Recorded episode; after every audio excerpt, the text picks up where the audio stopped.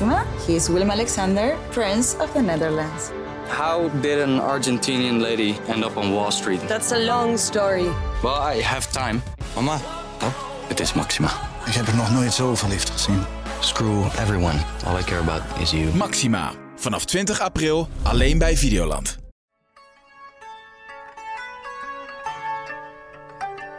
Welkom bij Naar Huis, een zevendelige podcast van Trouw, waarin ik, Erik-Jan Harmens, met bekende Nederlanders en Belgen terugreis naar de plek waar ze zijn opgegroeid. Wat is er nog over van het verleden? En hoe klinkt dat door in het heden? Dit is aflevering 1, waarin ik met schrijver Lise Spit terugga naar de Antwerpse Kempen. We gaan terug naar Viersel.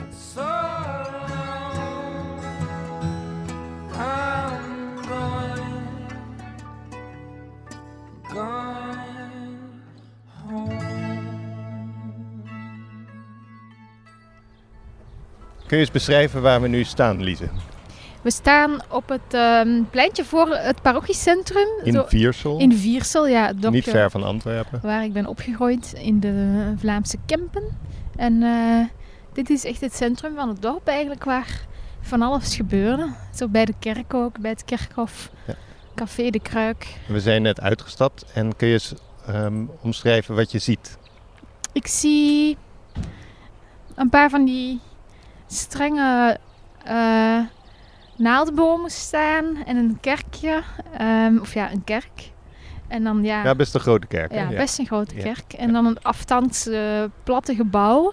Wat al van hier in de jaren 60 of zo staat waarschijnlijk. Wat het feestzaaltje is. Dus het parochiecentrum. Ja. En ehm, veel boompjes die keurig in bolletjes zijn, ge, zijn geknipt. Die zien er heel goed onderhouden uit. Ja. ja. Het zijn er best veel ook. Best veel groen zien we. Ja, heel veel groen. Ja. En, dan zien we dus een grote boom. En je zei Ja. daaronder was dan de broodautomaat. Ja, want, vroeger eh, stond daar de broodautomaat onder. Nu is die verplaatst, want er is ook een vleeswarenautomaat naast gekomen. Ja. Maar vroeger was er enkel brood en dat stond dan daar. Ja. En daar liep jij ook als kind al naartoe dan? ja, soms kregen wij dan, ja, dan was dat nog in frank in het begin, kregen we wel 20 frank mee om een brood te gaan halen. Oh en dan later een euro voor een brood. Ja, Ja, en dan ja. kwamen we inderdaad hier.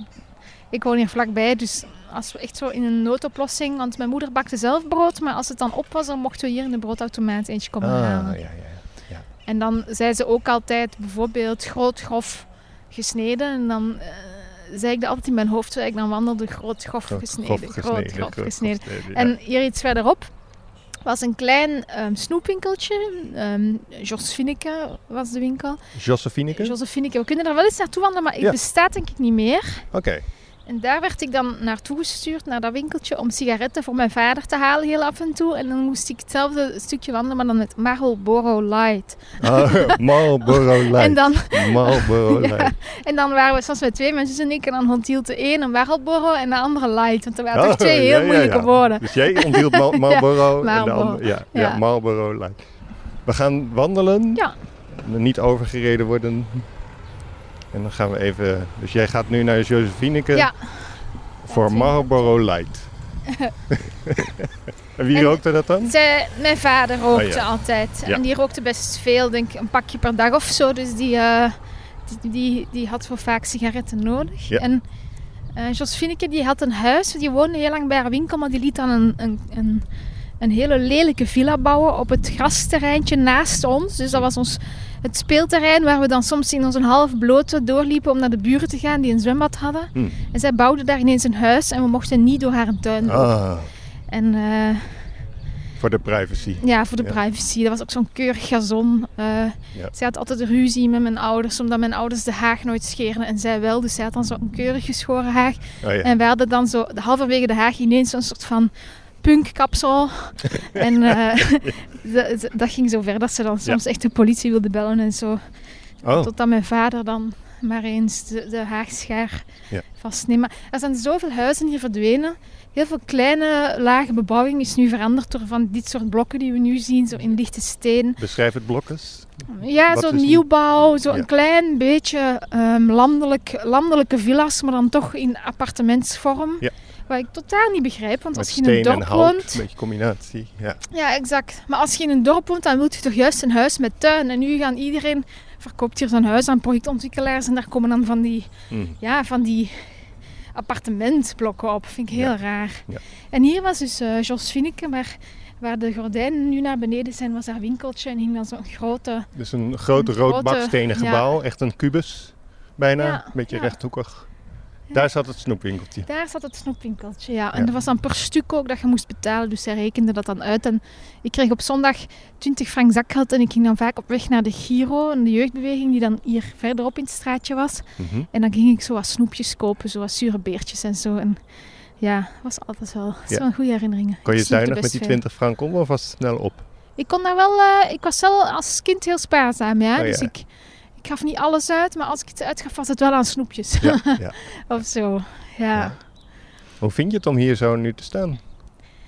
Ja, ik blijf wel zo een dorpsmens en ik blijf wel ook van Viersel. Dat kan ik toch niet uit mezelf weghalen. Nee. Dus ik vind het prettig om hier te zijn, maar ook wel moeilijk om te zien hoeveel er is veranderd. Want je koestert toch zo'n nostalgie naar je geboortegrond. Mhm. En als die geboortegrond dan zo, ja, in mijn ogen toch een beetje is ja, toegetakeld door allemaal nieuwe dingen, dan Ja. het is maar half. Alsof, het, alsof ik in een droom rondhandel van die dorp of zo, die niet meer helemaal correct is. ja, ja. ja. Ik heb hier natuurlijk ook over geschreven, dus ik wandel dan ook nog eens rond in het, Ja, je hebt hierover ges- geschreven in het fictieve in- ding wat ik ervan gemaakt heb. In Dus- Het Smelt, de, de buurtroman. Ja, exact. En ehm, er hangt hier wel zo'n soort van lieflijkheid. En toen ik hier opgroeide, kon bijvoorbeeld gewoon met je fiets ergens naartoe gaan. En dan zette die hier gewoon op de stoep en je ging naar binnen. Nooit moest je eh, iets op slot doen, Nee. bang zijn dat iemand iets ging stelen. Dat was in die tijd nog niet. En ik weet niet of dat dan nu wel het geval is. Hmm. Of dat dan nog altijd zo Ja. ehm, Ja.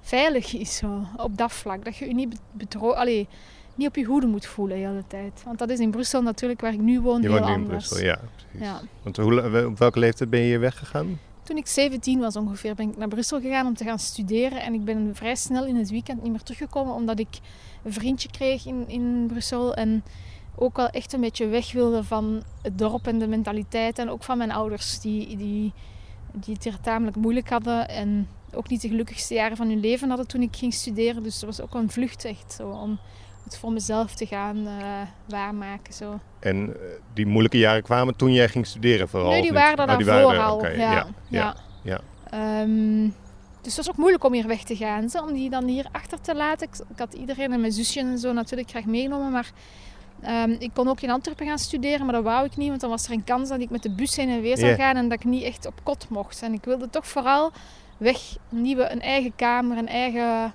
eh, Waren dat echt twee tegengestelde dingen die je tegelijk wilde? Je wilde blijven en weggaan? Ja, ik snap niet hoe ik dat heb gekund om naar Brussel te gaan. Dat is dan nog eens een grote stad waar ik dan helemaal alleen, samen met een vriendin die in dat huis woonde, Lore. ja.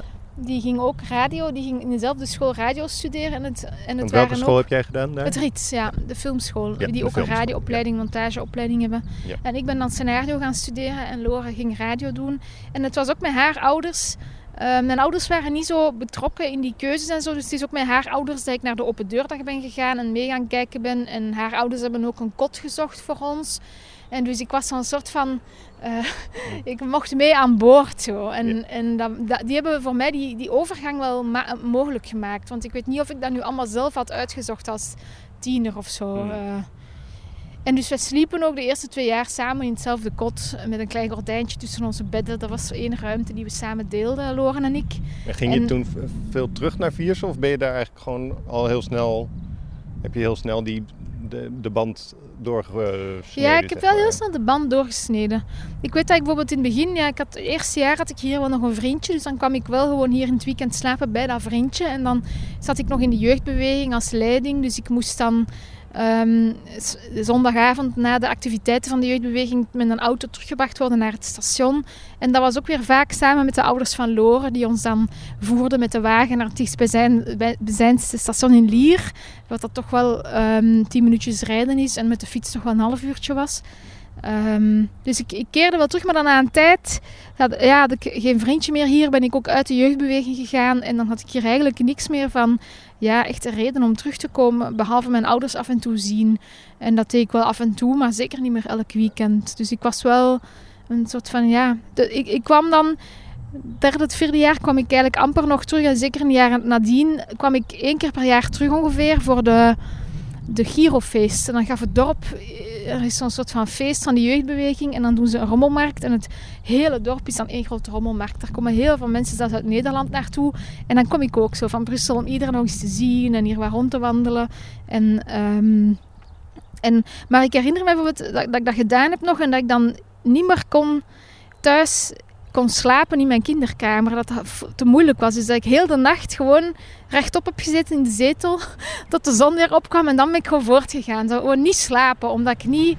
ehm, Dus je was in je ouderlijk huis ja, en, en was je wel op je kinderkamer? nee, nee. Je ik, bleef ik- beneden in ik de bleef woonkamer? gewoon beneden in de woonkamer zitten, zitten? wachten tot, de, nacht ochtend. voorbij was. Zo. Ja, omdat ik dat niet aankon om terug daar in bed te kruipen en te slapen en, en terug zo ja, toch in die mal te kruipen. Ja, dat vond ik heel moeilijk. En, En, en En- weet je ook waardoor dat dan kwam? Bedoel, wat was het dan dat je op dat moment angstig maakte? ehm, ja, de geur van die kamers. En ehm, ik denk dat je zo als kind heel veel dingen vanzelfsprekend vindt. En als je dan later terugkomt, dan beseft je ineens, of dan ziet je met andere ogen je kinderlijk huis. En ik besefte later ineens van, ah, eigenlijk zijn die kinderkamers best wel een beetje vies.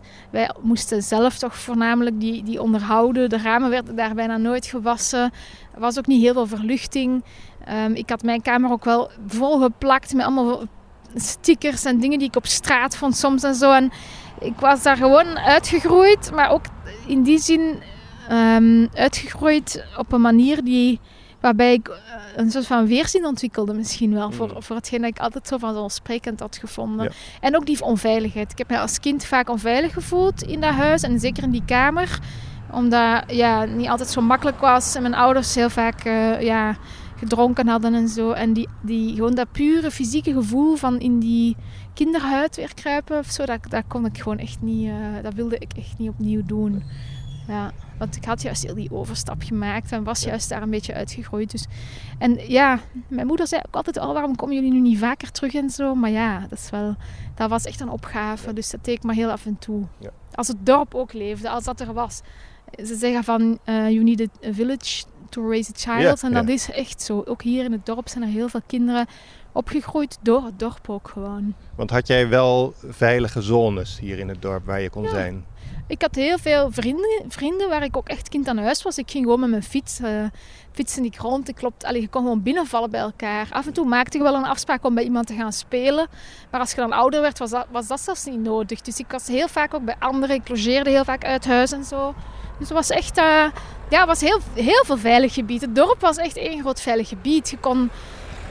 Ja, er was een soort van vijvertje in de, in de, eh, vlakbij de, eigenlijk de graafput waarop ze de E313, de snelweg, hebben aangelegd. is een soort van volgeregend en dan een zwemvijver geworden. Dus in de zomer gingen we, spraken we gewoon af aan de put. We hadden allemaal zo van die namen hier in het dorp, zoals de put. Daar gingen we dan zwemmen en eh, we spraken soms ook gewoon af hier op de Giro-terreinen. Mhm. Of, of eh, ja, in het bosje of zo. Of hier aan het bankje, bankje van de kerk durfden we ook al een keer gewoon opzitten. Ja. En een beetje kletsen en zo. Dus het was wel, ja, was echt heel veel fijne manieren om af te spreken. Zo. En hoe vind je het dan, want we staan op het punt om dan naar je ouderlijk huis te Mhm. wandelen. Eh, heb je daar op dit moment, voordat we daarheen wandelen, een ervaring bij? Heb je nu een gevoel? Ja, het is niet meer mijn ouderlijke huis, omdat het is ehm, verkocht geweest. Het gekke is dat mijn ouders dat huis hebben verkocht op het moment dat mijn debuut verscheen, wat dat Mm. niks met elkaar te maken had. Alhoewel dat er mensen in het dorp dachten dat ze wegvluchten omdat dat boek verscheen. Nee, nee. Maar dat was niet zo. Dat, dat we waren al langer van plan om dat te verkopen en kleiner te gaan wonen. Want het was een huis met vier slaapkamers boven en een heel grote tuin. Het was eigenlijk gewoon te veel geworden om te onderhouden. Er was ook wel wat werk aan dat huis. Ehm, en dus er is dan iemand nieuw komen wonen en die heeft dan de dingen weggehaald en dingen veranderd. Dus het is ook niet meer het huis waar ik ben in opgegroeid. Het, het, wij hadden bijvoorbeeld, ja, ik denk dat mijn ouders, ja, we hadden vier kinderen. Mijn vader werkte voltijds, mijn moeder was eh, huismoeder. Maar in de laatste jaren dat ik daar woonde, was mijn vader zijn werk kwijtgeraakt. En moest mijn moeder ook mee gaan, gaan eh, zorgen voor een gezinsinkomen. Dus zij ging dan ook ja, in de fabriek werken en zo. En deed allemaal ja, taakjes die je niet zou willen doen eigenlijk. Zeker niet op haar leeftijd, want toen was ze ook al wel eind de 40. En, eh, Dus die, die, in die laatste jaren heeft dat huis ook zo'n verandering meegemaakt dat ik zo niet goed weet als ik daar nu terugkom of ik nu terugkeer naar mijn jeugd of niet. Precies. Ja, dat is heel raar. Ik weet niet wat ik moet verwachten. En we je, hadden heb bijvoorbeeld... je een hoop? Mm, ja, ik zou een paar dingen willen terugzien omdat dat heel veel gevoelens teweeg gaat brengen. Maar ik denk dat die er niet meer gaan zijn. Zoals, we hadden een hele kleine eh, honden... Ja, het was geen kooi, maar zo, ja, toch een soort van kooi naast het huis staan. Want de hond mocht niet binnen slapen. Dus die zat dan altijd in die groene kooi. En soms ook zat hij dan van 's ochtends al te piepen omdat hij daaruit wou. En onze tuin was eigenlijk heel erg rommelig. Mijn ouders konden zo de gewoonte hebben om iets daarin te zetten en dan te denken dat het weg was. Dus dan stond er bijvoorbeeld zo gewoon een diepvriezer in de, een open diepvriezer in de tuin, jarenlang overwoekerd door gras. Of... En dan hopen dat die vanzelf weg Ja, dat was dan zo dat ik me echt afvraag waar- waarom dan die niet wegbrengen of Ja. zo. Maar dat kon daar dan gewoon echt heel lang blijven staan. Zo heel veel ja, rotzooi gewoon. Zo, Ja. Van twee mensen die misschien gewoon niet de moed hebben om nog dingen te, te gaan veranderen of echt beter maken of zo. Dus, maar tegelijkertijd heb ik aan die jeugd en aan die plek ook heel veel mooie herinneringen. Ik heb daar, zo, ik heb daar opgepompt met, met nostalgie. En dus ehm, ik kan ook heel veel mooie dingen vertellen. En heel veel, ja, met heel Dus veel liefde. dat je kan kiezen ook. Ja, ik kan echt kiezen. Ik leid jullie nu door mijn fantastische, Hm. nostalgische herinneringen. Of ik vertel ook wel de eenzaamheid die daaronder zat. Maar die ik ook maar pas ben beginnen beseffen toen ik weg was uit dat dorp. Heb ik pas dingen beginnen zien van, ah ja, zo is het in werkelijkheid. Zo werkt het leven. En, en dan pas kun je ook zien wat er thuis misschien allemaal niet echt ehm, eh, goed, goed draaide Ja. en zo. En, Ja. ehm, het is niet dat ik als kind in dat bed lag en dacht, ah, ik wil hier weg, ik wil hier weg. Want er zijn hier verdrietige dingen, maar eh, ik heb wel een soort van... Ja, blijkbaar ben ik toch in Brussel beland. En dan Mm. in Brussel met wat afstand heb ik toch ook wel gezien van... Ah ja, ik ben toch wel wat eenzaam geweest als kind. Of verdrietig vooral. Ik heb toch op bepaalde momenten wel echt een, een verdrietige jeugd gehad. En waar zat dan het verdriet in? Ehm, in mijn ouders die niet gelukkig waren en die worstelden. En Ja. mijn ouders hadden ja, beide een alcoholverslaving. Ook Mm. al zouden we dat nu niet, zou ik dat nooit tegen hen zeggen in hun gezicht. Want dat zeg ik nu tegen u, maar ik heb nog nooit in mijn leven dit tegen mijn eigen ouders gezegd. Nee. Dus wij waren als kinderen heel erg bezig om mijn ouders eh, elk moment van de dag te sparen. Om, Ja. om elke confrontatie te ontwijken. En zij hadden natuurlijk vier kinderen en dat was niet zo gemakkelijk. Want ja, Want hoe was Ehm, de situatie? Je hebt één zus en... en, en ik ben de middelste. Ik heb een, een tweelingbroer en zus die twee jaar ouder zijn. En dan nog een zus die vier jaar jonger is. Ja. En, ehm, en mijn ouders hadden wel ook heel veel, zeker in de beginjaren toen we klein waren, heb ik heel veel goede herinneringen aan.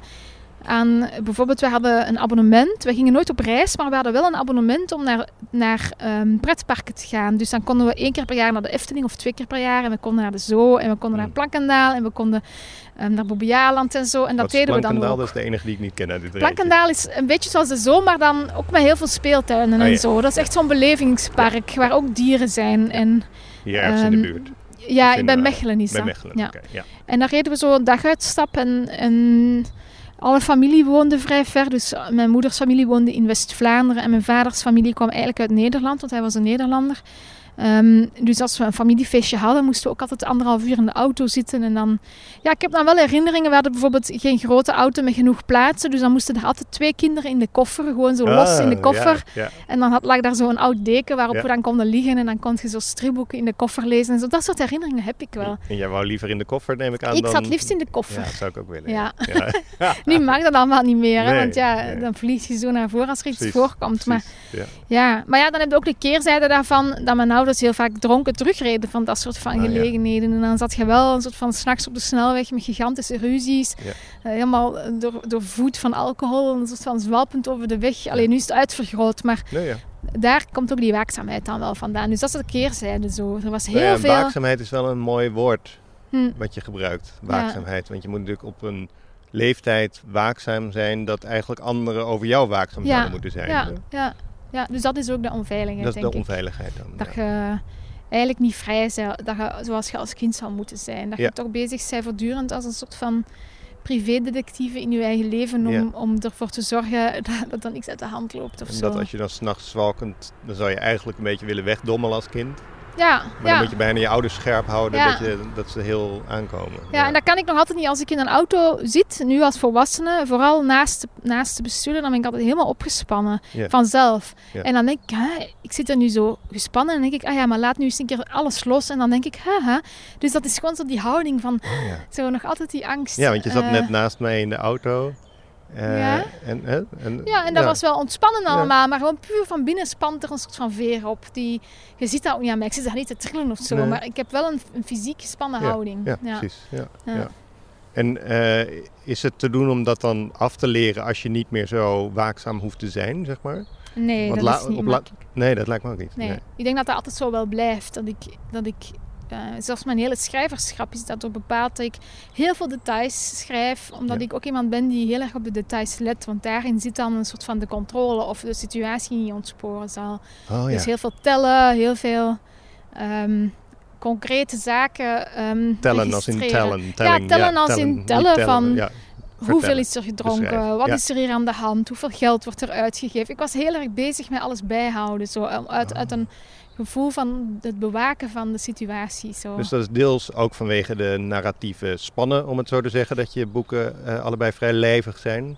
Maar misschien ook wel omdat je dus heel erg in details ja, beschrijft. ik ben zo. Want Ja. dat is niet dat ik daarvoor kies om in detail te schrijven. Ik Nee. doe dat onbewust gewoon. Omdat Ja. dat is hoe ik in elkaar zit. Als ik een situatie waarneem, zie ik ook meteen alle details. Omdat dat nu eenmaal is hoe ik in de wereld sta. Hoe ik stand houd in de wereld. En dat is iets wat ik nooit ga kunnen veranderen. Want dat zit zo diep in mijn, in mijn zijn. Dat, Ja. dat ik dat ook niet zou willen moeten veranderen of zo. Nee. Want dat zou echt tot catastrofes leiden. Ja. Maar je woont nu in Brussel in je eigen appartement samen Ja. met Rob van Essen, collega-schrijver. Daar- Ja. de- normaal zou je zeggen dat is privé, maar jullie zijn er zo open over dat ik dat wel durf te zeggen. En dat, het ontroert me heel erg om jullie samen te zien, omdat ik daar zo'n onvoorwaardelijk gelukkige houding in opmerk. En dat raakt me heel erg.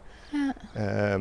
En tegelijkertijd vraag ik me dan af van hoe verhoudt zich die waakzaamheid daar dan toe? Want geluk betekent in principe dat je dat kunt loslaten. Ja, ik denk dat ik dat misschien voor de eerste keer in mijn leven kan bij hem. Niet Ja. overal, maar wel bij hem, omdat hij heel erg op mij lijkt. En dat is nu vreemd om zo te zeggen, maar, Ja, ja. maar wel ehm, ook de controle behoudt. Dus hij drinkt nooit te veel. Nee. En dat is voor mij echt al een voorwaarde om mij bij iemand veilig te voelen. Ehm, en hij is even zorgzaam voor alle details dan ik zelf. Dus ehm, ik ben Hoe is heel hij erg- zorgzaam in details?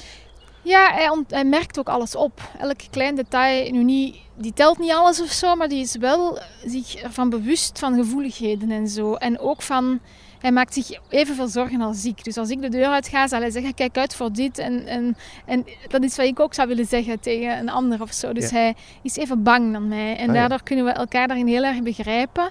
En, ehm, en ook dezelfde verantwoordelijkheden delen. Terwijl ik in mijn vorige relatie, die heel lang duurde, echt die zorgende persoon ben geworden. Ik heb gewoon voortgezet wat ik in de relatie tot mijn ouders, de, de functie of de rol die ik daar had. En die relatie raakte daar totaal door ondermijnd, omdat ik ehm, ja, die, die jongen echt helemaal ging overnemen. Alles om het, om, het goed, om het goed te doen, om te zorgen dat het in orde was. En, Ja.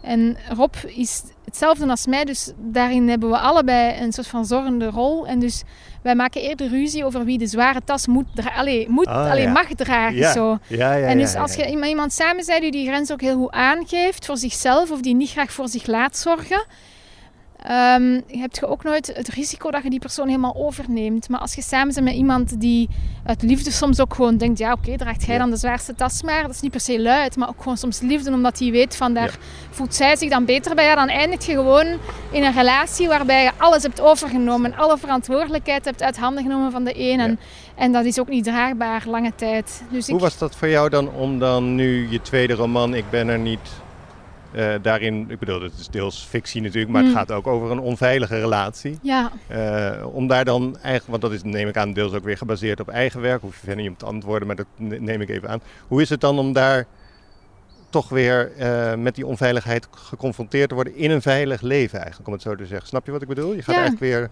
terug naar iets. Dat was soms moeilijk om me dat nog voor te stellen. Maar dat boek Ja. is wel al langer. Dat bestaat al sinds ik nog in die vorige relatie was, ben ik al aan het schrijven gegaan. Ja.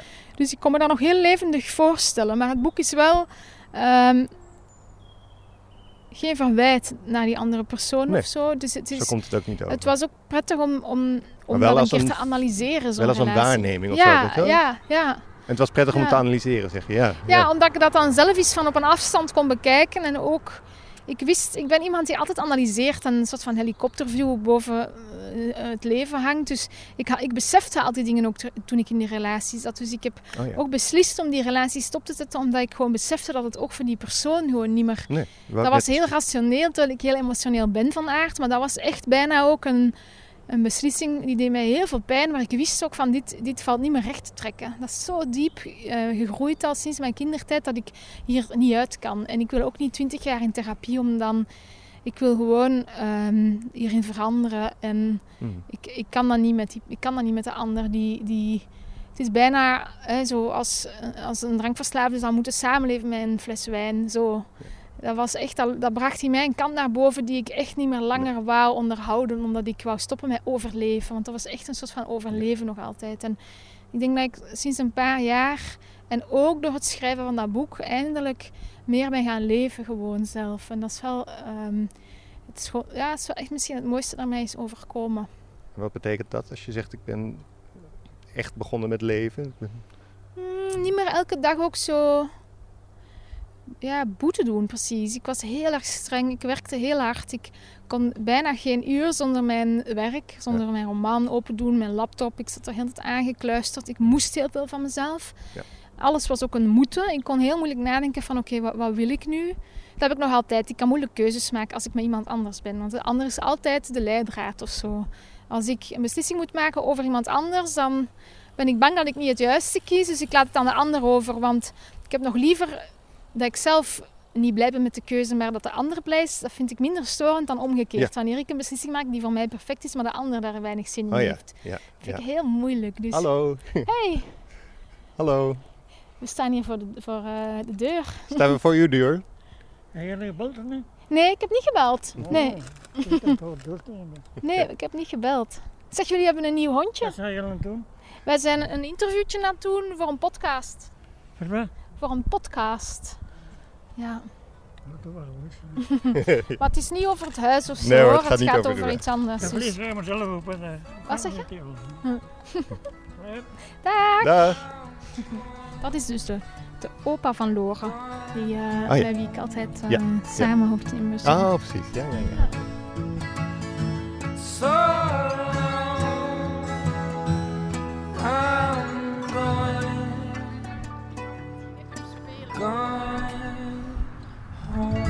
Met die boom ben ik een keer gevallen van die onderste tak.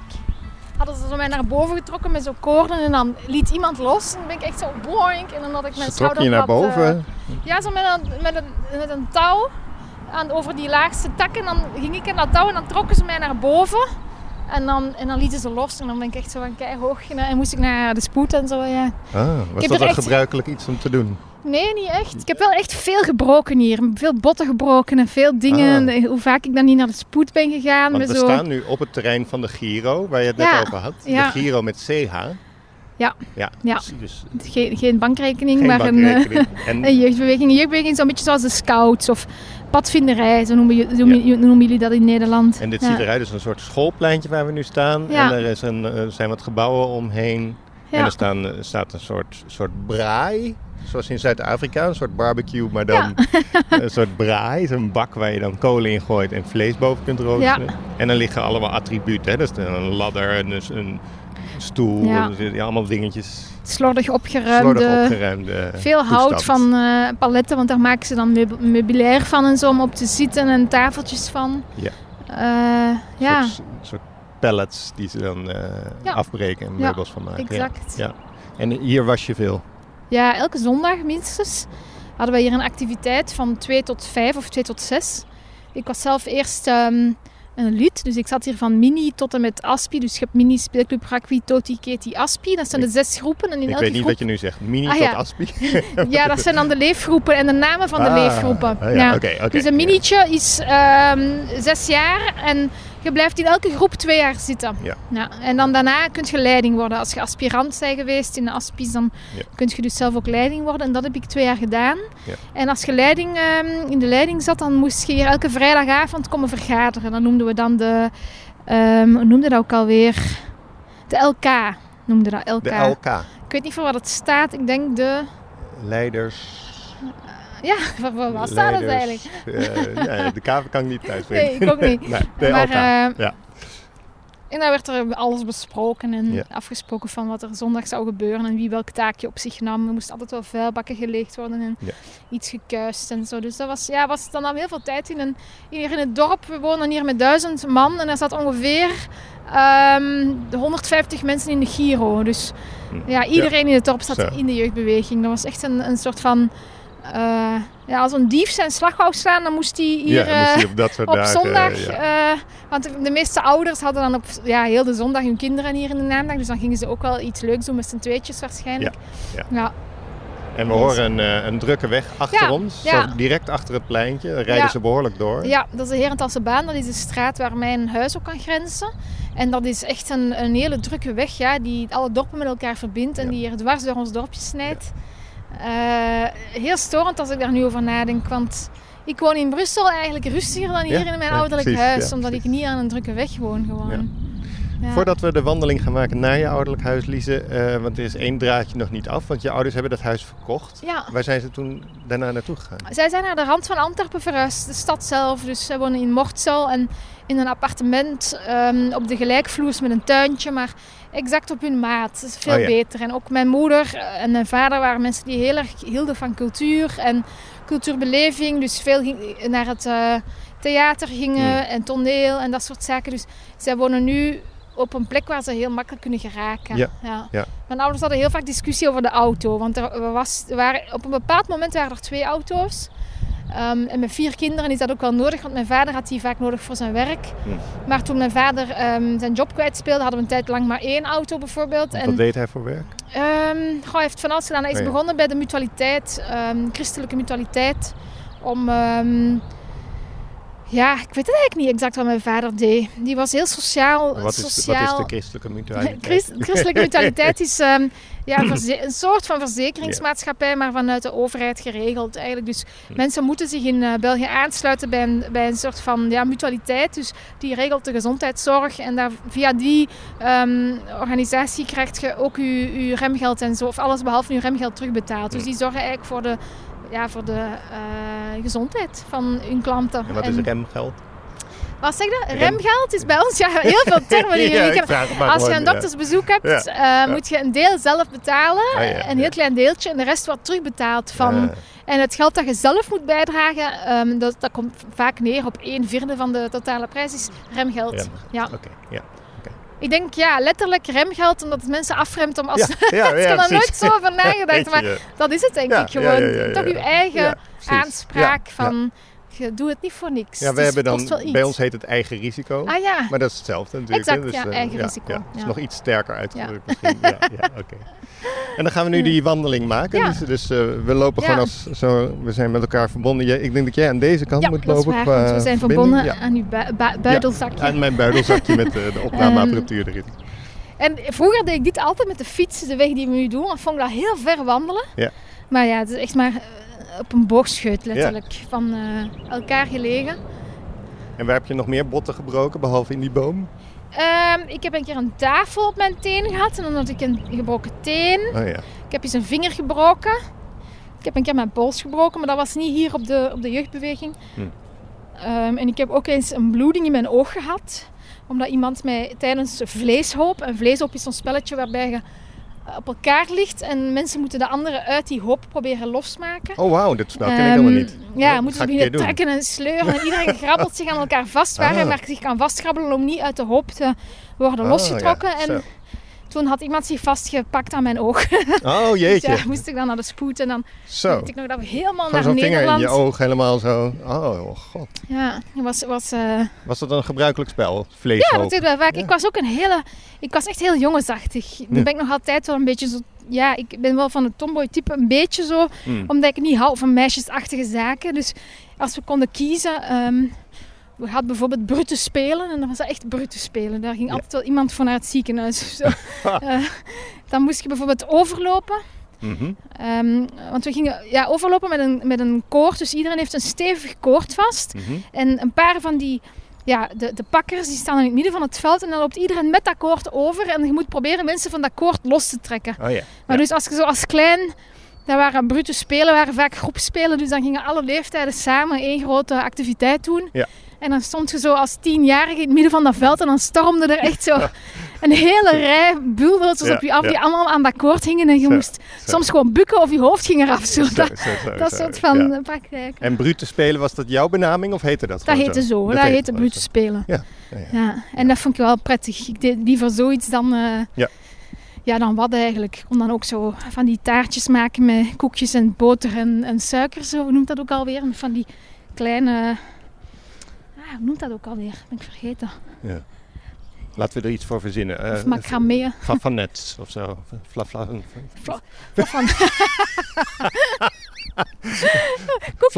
noemt kleine flapflas.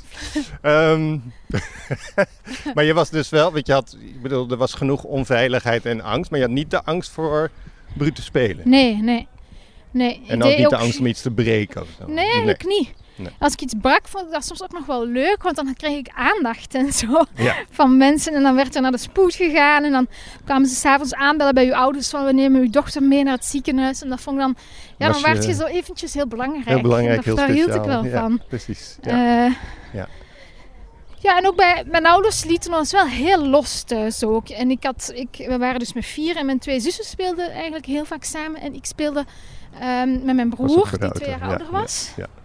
En eh, we maakten dan zo van die ja, dead rides in de tuin of kampen op grote hoogte. En mijn ouders lieten ons daar heel vrij in. Die hadden ook echt geen schrik dat wij ons zouden pijn doen, want die wisten ook wel dat dat bij het leven hoorde of zo. Dus Oh ja. eh, wij werden niet opgevoed met zo'n... eh, ja, met iemand die uw hand de hele tijd vasthield. En daar ben ik wel heel dankbaar voor, want dat maakt ook wel dat ik ja, zo, zo een beetje ongeschrokken of onverschrokken in het leven sta. Ja. Maar er staat tegenover dat er ook geen ondergrens was. Dus, wa- dus dan moest je zelf ook weer alert blijven wanneer je wel op moest letten eigenlijk. Hè? Ja, dat is ook waar. Dat is ja. ook een soort Ja. analyse door mij nu even bedacht. Maar Nee, dat klopt wel. we zijn Ja. de hoek omgegaan. We laten de kerk achter ons. Ja. En dit is een eh, soort tussenstraatje voordat we Ja, echt op die drukke weg komen waar je ouderlijk huis aan ligt. En hier zijn zo, alles wat hier nu rechts gebouwd is, is allemaal nieuw. Toen ik Ja. hier kwam, eh, toen ik hier woonde, was dit echt, eh, ja, ik weet niet meer, maar kleine huisjes en een grasveld en een wei met wat paarden en zo. Het is echt heel, ja, echt zo licht stedelijk aan het worden. Ook al Ja. is het natuurlijk het allerkleinste dorpje, maar Ja. dan Ja. nog. Ah, en dan de kerkklokken. Ja, de kerkklokken. Daar verbaasde ik mij over toen ik hier als, als tiener terugkwam, dat die klokken zo aanwezig zijn. Dus dat je eh, s ochtends ook echt hoort hoe laat het is. Is eh, dit is het halve uur en dan slaan ze één keer en dan Ja. Op het uur zelf... eh, Die kerk hoorde je, nee, hoorde je ook als je gewoon ging slapen s'avonds ja, natuurlijk. ja, dan lag je in bed en dan hoorde je... Maar ik denk wel dat die s'nachts stopte. Ik ben niet zeker, Oh. maar dat denk ik dus wel. Dat die tussen bepaalde uren niet meer luiden. Hm.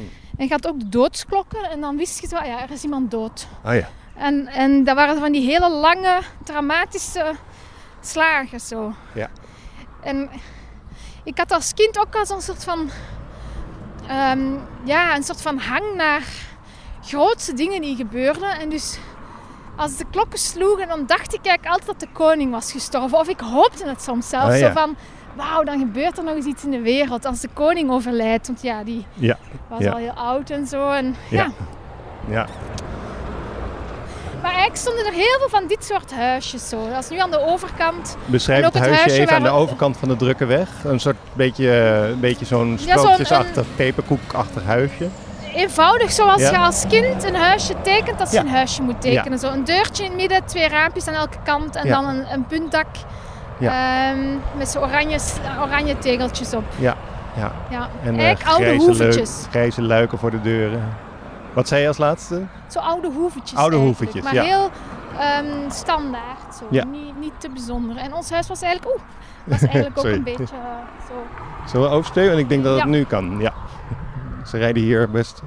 Of hadden we niet moeten oversteken juist? Jawel, want hier is de Vilderhaag. Oh ja. En de Vilderhaag was de plek waar langs wij altijd naar huis gingen. Wij gingen nooit Ah, voor. Jullie gingen nooit hier langs de drukke weg, maar nee, altijd hier. het- staken altijd zo Oh, dus dan lopen we door. eigenlijk goed. Oké. ja, we lopen perfect. perfect. Ja. En hier was de paardenwei. Ehm, er stonden altijd paarden in, want dat is van de buren. Oh ja.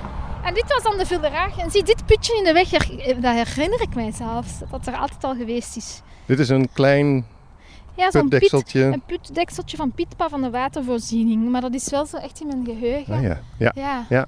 Ja. En hier was dan ons, onze hagen, zoals je ziet. Ze zijn niet, de eigenaars nu hebben ook er niet echt zoveel kaas van gegeten van haagscheren. Dus we hebben onze buurman ehm, die ging erachter woont. En die kwam dan hier zijn eigen, ja, de bermen van zijn eigen weiden eh, maaien. En die maaide dan ook altijd de overkant, zodat het bij ons ook netjes was. En dat heeft hij nog, doet hij nog altijd, Oh nu ja, zie ik. ja, ja. Dus ook bij nieuwe eigenaars. eh. Ja. Ja, en dat was ons huis. Kort zo'n beetje We kijken nu door de Haag naar het huis. Ja. Ja. Daar word ik bijna zo... Ik word daar altijd heel erg melancholisch en ook wel verdrietig van. eh, dat dat huis hier nog staat. En het is ook niet zoveel veranderd, zie ik, van hoe ik nu kijk. En ik mis dat soms ook wel. Ik heb dat boek geschreven en toen mijn ouders verhuisden ben ik hier niet teruggekomen. Ook niet tijdens de verhuis. Ik heb hem eigenlijk een beetje laten stikken. Ja. En dan vond mijn moeder ook al heel erg dat ik geen afscheid ben komen nemen. Dus alles wat ik in mijn kinderkamer had, is ook gewoon bijna verdwenen. Die hebben gewoon alles in containers gegooid. En ik heb heel weinig... Ja, ja, we mochten wel komen leegmaken, maar zoveel wou ik ook niet naar Brussel meenemen. Nee. En dat is allemaal weg. En mensen hebben hier ook wel iets nieuws van gemaakt, zie ik, met een tafel. En onze tuin was een wildernis. Dat was, mijn moeder noemde het een wilde tuin. Dat was het ook. Die, die, er werd een klein stukje gemaaid, zodat wij daarin konden lopen en spelen. Maar heel deze kant eigenlijk zo... Want was we kijken uit op helemaal- een mooi grasveldje nu, Ja. maar dat was er toen niet. Nee, nee, nee, dat was er toen niet. Dit is allemaal heel keurig eh, ge- geplant en gemaaid. En, en bij ons, ja, nee, was dat totaal niet zo. Want er was allemaal hoge begroeiing en zo. Ja, hoge begroeiing en ook gewoon zo het zand van de opge... Allee, van de... Want die achterbouw hebben mijn ouders zelf erbij gezet. Of toch al sinds stevig verbouwd. En dat zand dat er toen uit werd geschept, ging zo in hopen, werd dat in de tuin gestort. En dat hebben ze nooit weggehaald. Dus we hadden ook zo Ja. allemaal bulten met oud zand er dan gras op was gaan groeien en zo. Het was helemaal geen vlak. Het was echt zo nog een... Ja, zo'n een, een echt wildernis was Ja. dat. Met hele hoge planten waar we niet in mochten, want dat was slecht voor de bijtjes. Mijn moeder was heel erg milieubewust, dus ehm, die liet dat allemaal maar zo wat gedijen. Wat beter is natuurlijk voor de natuur, dus dat had heel gelijk. Want Ja. was het, was het soort vrijheidsdenken of was het ook een beetje laks? Of hoe, hoe beschrijf Ja, je het? combinatie. Combinatie, Ja. ja.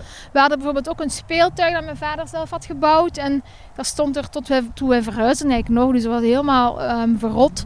En daarnaast lag een zandbak die mijn ouders hadden eh, gegraven. En ja, dat is leuk als je klein bent, maar als je volwassen wordt, dan is dat gewoon ja, de, de, de, de poepbak van de katten. We hadden op een bepaald moment ook acht of negen katten, dus dat was eh, een soort van, ja, eh, rommelig. En ook veel spullen die erachter bleven. En, en er stonden ook nog bomen in de tuin die nu weg zijn. Ja. Dus het was eh, anders dan nu. En dan ging er eens een ingang, dus dat- langs daar kwamen wij eigenlijk altijd eh, de tuin binnen. Maar er wonen... Maar ik vond het wel indrukwekkend wel- wat er net gebeurde, Lies. Want we, we liepen langs die haag. En toen had je opeens het doorkijkje naar die woning. Ja? En toen gebeurde er iets bij jou. Ja? Ja, verdriet. Echt verdriet, omdat ik dat toch wel een mooie herinnering heb. En ik hou niet van het feit dat dingen eindigen. En ik moet, ik moet, ik, ja, ik heb dat ook daar misschien nooit zo bewust eh, meegemaakt hier. Maar ook gewoon dat die bomen zo groot zijn geworden en zo. Veel dingen in het dorp zijn dan juist heel klein nu, maar heel veel dingen in de tuin die ik zo goed kende, zijn dan zo groot geworden. Ja. Zo hier bijvoorbeeld, die bomen die raakten elkaar niet. Dat was, ja, ik ben hier ook al zo lang niet meer geweest, al zeker 15 jaar niet meer. Dus, eh, en zo ziet het er best wel idyllisch uit. Zoals het er nu, ze hebben dat hier echt mooi gemaakt en opgeruimd en zo. We staan nu aan de achterkant. Ja, Er is wel... Ja, er is niet zo heel veel te zien. In de Nee. zin van je ziet wat grasstroken en wat steenwerk op de, op de, op Ja. de grond liggen. Er staan geen auto's of zo. nee. En ook, ze hebben dat hier eraan gelegd. Want bij mijn ouders, bij ons was eigenlijk... Ik denk wel dat we nog een klein beetje mogen verder Ja? Wandelen. ja. Ik Want- volg jou gewoon hoor, want ik ben op jouw terrein eigenlijk. Ja, deze haag eh, met die latjes, die houten latjes zo van die aan omheining heeft mijn vader aangelegd omdat, omdat ehm, wij een hondje hadden op de duur dat niet, dat niet opgevoed was. Dus dat kon altijd de straat oplopen. Dus hebben ze heel die omheining gezet en die hebben ze laten staan.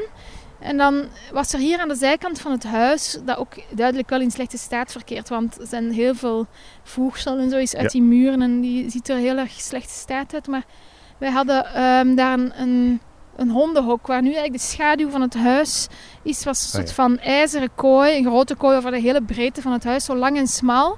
En daar leefde de hond dan in en die liep dan ja, heel de nacht zo heen en weer en heen en weer in die kooi. En waarom mocht de hond niet binnen? Ehm goeie vraag. Ik denk omdat honden s'nachts buiten horen. Dat was zo Ja, omdat die dan niet zou blaffen zeker. En ook gewoon... Alleen als het heel erg koud was in de winter, echt zo min 10 of zo, dan, dan mocht hij wel een keer binnen slapen.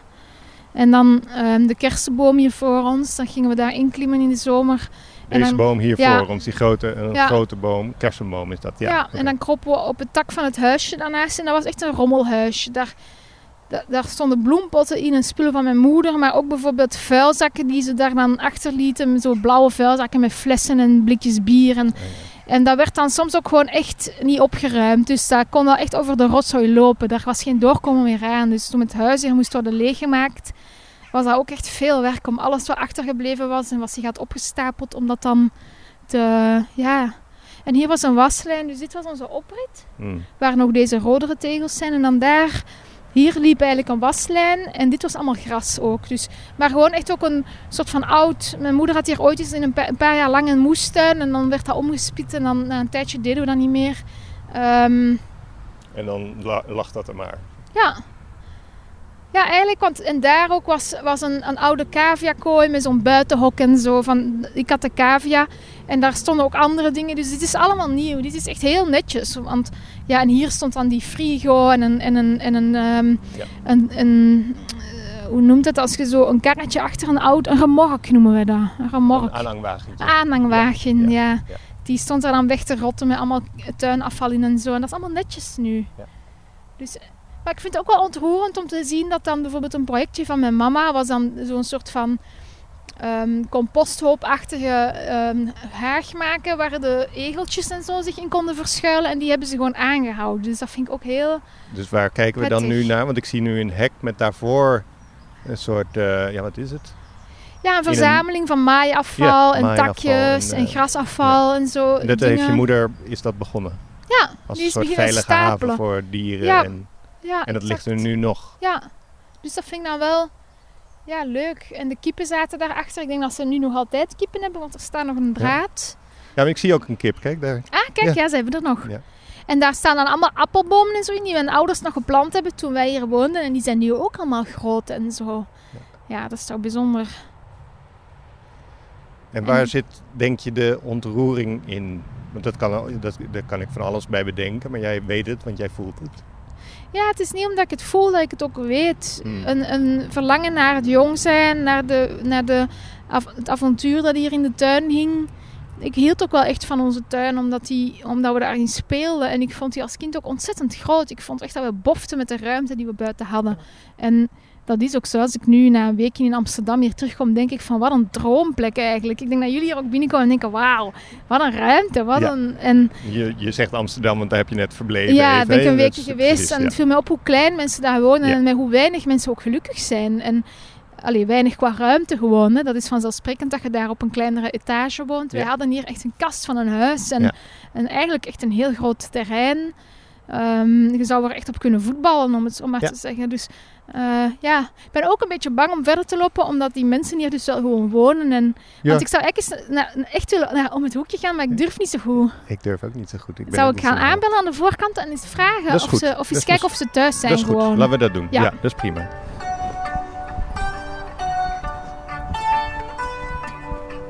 Het is raar om aan te bellen bij je eigen huis. hè? Ja, ja. Ja, is heel raar. Dan lopen we hier dus vlak langs die hele drukke weg. Ja.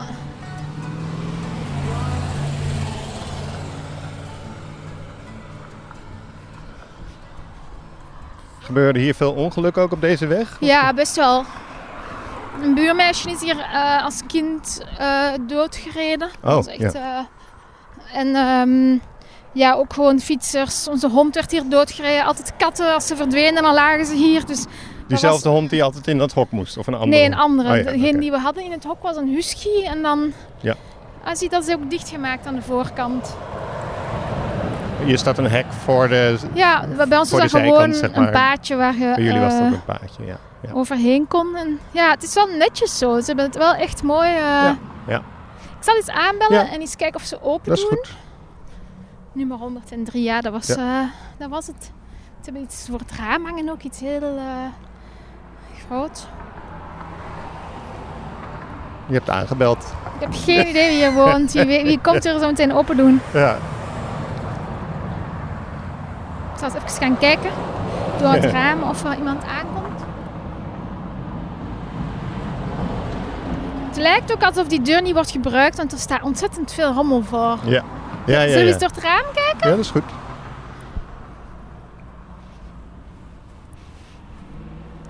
Je gaat nu spieken door het raam aan de voorkant van je oude Ja. woning.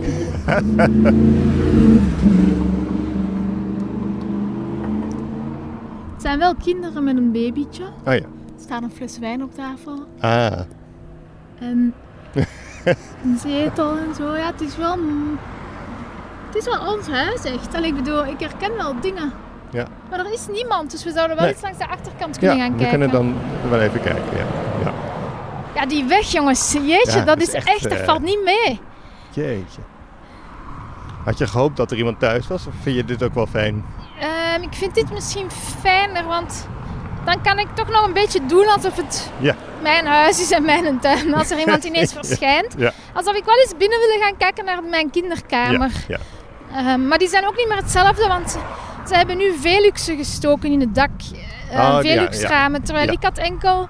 Zo, ja, als je hier aan de zijkant staat, dan kun je het zien. Ja.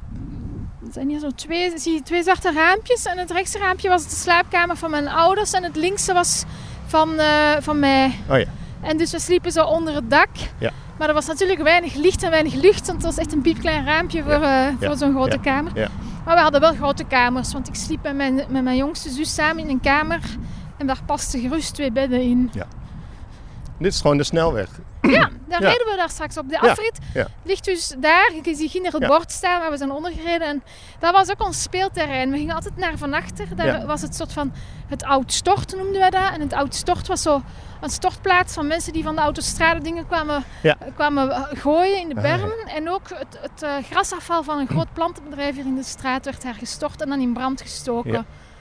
Maar ik zit er even, even gewoon toch ook vanuit een scenarist te denken, wat toch jouw oorspronkelijke vak is. Mhm. Van, als je hier dan s'nachts eh probeerde te slapen of eh, misschien hier nog rondliep s'avonds, wat hoorde je dan in vergelijking met nu? Hoorde je dan ook bijvoorbeeld de snelweg? Hoorde je die kerk in de verte? Wat waren de geluiden van toen? Ja, het je gesuis. bent nu hoe oud? Ik ben nu 32. 32. Dus hoe oud? Zeg 25 jaar geleden of 20 Ja. jaar geleden? Ja, dan, ik ho- je hoorde eigenlijk altijd dat ruisen van de snelweg. Ja. Dit geluid, ik, ho- ik hoorde dat niet meer op de duur, maar nu hoor ik het wel natuurlijk, omdat ik er zo lang niet geweest ben. Dus er was, we waren, lagen echt tussen in die twee drukke banen ingeklemd. Ehm, dus dat hoorde je heel erg. Af en toe ook het tuten van een vrachtwagen op de snelweg of zo. Of, eh, en dan ja, die kerkklok, er was gewoon wel heel veel geluid. En dan paarden en kippen die, die 's ochtends kakelden. En honden die blaften. En eh. Heel veel eh, van alles zo. En Ja. ja. dat is drukker dan in de stad. In de stad hoort je de mensen Nee, vooral. precies. Ja, en Ja. af en toe een vliegtuig. Of, Ja. eh, en dit is ja, een mengeling van van alles. Zo. Het beste van de natuur en het slechtste van de mens, om het zo maar te zeggen. Ja, ja. Oké, nou we gaan dan nu om dat hoekje lopen. Ik vind het zelf ook een beetje eng, terwijl ik kom niet helemaal niet vandaan. Ik ben altijd heel erg gesteld op de privacy van mensen, maar we gaan het toch even doen. Ik ga gewoon ook even uit mijn comfortzone. We lopen hier gewoon en dan kijken wat er Want gebeurt. dit is op zich het thuiskomen. De voorkant, daar had ik als kind niks mee, want daar, zo kwamen we niet. Nee. Dus dit is inderdaad wel... We Ja, hier was dan eigenlijk, in. eigenlijk heb ik bijna de neiging om, want wij liepen dan zo vroeger en hier was zo'n klein ja, zandpadje wat dan niet was ehm, begroeid. En dan liepen Oh, ja. we zo langs het padje en dan hier om de hoek. Ja. Spiets, is er toch iemand, maar ik denk het niet. Ik vind het heel spannend. Ja, en hier is, hier is dan de Ah. waterput, maar in mijn herinnering was die veel... ehm, brr, ik vind dat griezelig, Ja, zo'n waterput. Ja. Die waterput, daar heb ik veel stenen griezelige herinneringen aan. Met een diepe, heel diep gat waar dan... Ja, water in zit. Ja. Heel diep ook. En daar lag altijd zo, daar was nooit een klep op, dus daar lag altijd soms een plankje op of zo, dat we daar niet zouden invallen als kind. Hebben jullie wel eens daar iets mee gedaan? Hebben jullie daar een soort brute spelen ook mee gedaan? Nee, nee, eigenlijk niet. Onze kat is hierin verdronken eens. En dan keek ik zo en dan dreef ze daarin.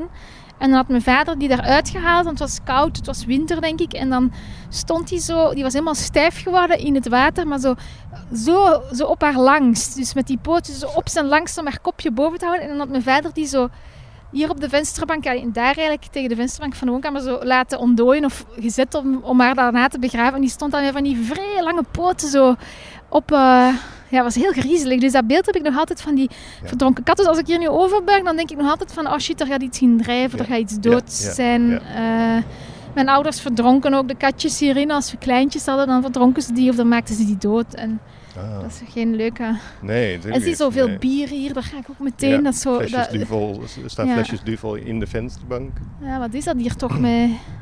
En dit was dus mijn vaders werkhok hier achterin. Ik ja. heb dan de deur die niet echt eh, sluit. Maar dit was ook allemaal geen terras. Er waren geen steentjes, dat was gras en onkruid en zo. En. En hij had daar zo'n soort van zijn hok waar hij ging roken en zich terugtrok. En, en, En wat eh, deed hij daar dan? Klussen? Of, eh, Ja, nee, denk- zelfs na- niet. Zitten eh, op zichzelf. leven. Ja, drinken ook drinken? natuurlijk. Ja. Ehm, Ja. We hadden ook geen terras hier aan de voorkant. We hadden enkel op, op de voorkant is een ander terras en daar hadden we dan Maar dat is bij de drukke weg. Ja, in de tuin. Nee, niet aan de voorkant. Ik bedoel aan de, aan de voorkant van, Oh, de, sorry. van, de, Ja, van ja. de keuken. zo. Ja, ja, ja, aan de voorkant van de keuken. Ja, Maar zou ik durven verder wandelen om te kijken wat daar binnen is? Ja, nu die er toch zijn, wil ja ik bedoel, piepen? Dit was ons halletje. Als je thuis kwam, dan zette je daar je schoenen en zo in. je kijkt nu naar binnen door een raam. Oh ja. Ja. Weer flessen wijn en zo. Het is hier wel... eh, Veel blikjes bier, veel peuken. Ja. Ja. En dat was... Maar ik heb het gevoel dat ze hier aan het verbouwen zijn of zo. Dat ze, of Hmm. dat ze hier aan het verhuizen zijn. Want er staat hier heel Ja. veel op tafels en zo. Ik denk Ja. niet dat hier al gewoond wordt. Nee, het ziet er niet zo jij? uit. Nee, Ja. het ziet er niet zo uit. Nee. Kijk, en hier ga ik eens in de keuken kijken of mama haar keuken hier nog staat. Oh nee, dat is ook helemaal weg allemaal. Het is helemaal nieuw. Wauw, met een kookeiland en alles. En er staan daar een soort opblaasballonnen en er staat L-E-X, Lex. Ah, van Lex, Hm. ja. Iemand heet Lex. Een baby dan. Een baby want- Lex. Baby Lex is geboren. Ja. Ja. Ja. Ja, ik denk dat die gewoon echt verbouwd wordt. of Ja. gewoon, dat is zo'n rare mengeling tussen zo babytoetjes die op een ah, droogrek staan en dan Mm. daarnaast allemaal glazen van een of ander feest misschien dan heeft plaatsgevonden. En dan voor de rest heel veel rotzooi eigenlijk. Ja. Ja. Ja, dit is wel jammer om het huis dan zo Mm. te zien. Ja, ja, ja, ja. Ik, snap je. In Ik gebruik. je. Maar... En hier eh, in dit kleine livingje, Hm. ja, dit was onze veranda. Daar stond de tv en daar zaten we altijd allemaal in. in de, want in het huis zelf, dus voorin, Hm. was een mooie woonkamer, maar daar mocht enkel gelezen worden. Daar mocht geen tv gekeken Oh. worden. Mijn moeder die wou eigenlijk geen televisie in huis. Ah. Ik had dan eentje gewonnen met de tombola op school en dan mocht die hier staan. Maar ja, ik denk dat iedereen dus hier in dit... Jij had een televisie gewonnen? Ja, Wow. een kleurentelevisie, zwart, ik weet niet meer, een zonder Zo. kabel, maar wel met zo... Hmm. Ja, en toen mochten we hem natuurlijk houden. Ja. Dus toen kwam er een televisie in huis, dankzij jou eigenlijk. Ja. Ja. Ik ga heel eventjes piepen, maar dan zonder Ja, de microfoon. Dat is goed. Ja. Jij gaat even kijken zonder microfoon.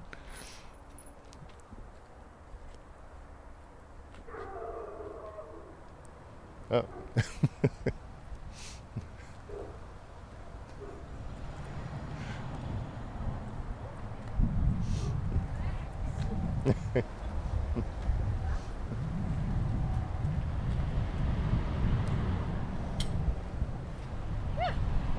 gek om hier te komen, ook goed om de binnenkant zo veranderd te zien. Het is niet meer mijn huis. Nee. Het is echt zo anders geworden nu. Dat doet mij ook wel deugd, want als het, Misschien is het ook wel lekker dat het zo leeg is van binnen, dat het er niet Ja. heel... het ziet er niet gezellig uit, want mensen zijn duidelijk aan het verbouwen en zo. Ja. Ja. Dus dat is wel prima. Het is wel goed om dit zo gezien te hebben. Ook omdat ik had bang dat mijn mama's keuken hier nog in stond. Ik vind het ook wel erg voor mijn mama's keuken, want daar hadden ze heel erg voor gespaard. En dat was toen nog echt super modern met witte kastdeuren. Dat had niemand. En eh, Je zegt mama's keuken. ja, ja, dat was echt haar plek. Haar, Ah, ja, ja. ja, Ja, ja. die had, dat was echt haar, daar mochten wij ook niet altijd inkomen of zo. Dat was, Haar domein. ja, dat was echt haar domein. Zoals ja. je vader zijn ruimte had waar we net langs liepen, Ja. dat, dat kamertje, had, jouw moeder had dan de keuken. Haar keuken. Maar dat was een open keuken, dus ze kon zich ook niet helemaal afsluiten. Maar Nee. zij had dan niet graag dat wij daarin liepen als zij stond te koken. En mijn moeder deed wel als huisvrouw heel erg haar best om voor ons te zorgen door altijd lekker te koken. Ah, ja. En toen mijn vader eh, een tijd lang niet werkte, of alleszins met van die kleine uitzendjobjes en mijn moeder ook dan eh, ging werken, dan veranderde dat wel. Dan kon ze ook niet meer altijd vers koken. Maar Ja. daarvoor deed ze altijd eh, ja, heel erg haar best eh, om dat goed te doen. Ja, Zoals je het hier hebt omschreven in Het Smelt, je debuutroman. ja. Zou je dat nu anders gedaan hebben? Natuurlijk had je een ander boek geschreven, maar zou je ook Viersel anders omschreven hebben als je het nu zou schrijven? Ja, ik ben in het smelt wel heel streng geweest, omdat ik de goede dingen uit, aan dat dorp heb weggelaten. Ehm, die gaan misschien hierin moeten, die tractor. Oh ja, ja, dat ja. dacht ik al. We Aan gaan wel even aan de kant hier. Ja, ja.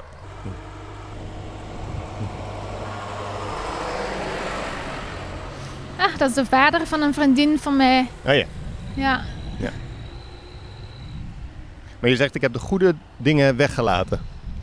Als Ja. techniek eigenlijk. ja omdat het over een roman ging. Dus Ja. ik kon ook wel... Ik, kon, ik zou niet vertellen over die jeugdbeweging, want mijn personage in het smelt moest wel geïsoleerd leven in haar gezin. Dus die heb ik eruit gelaten. En dat voelde wel als verraad naar het dorp.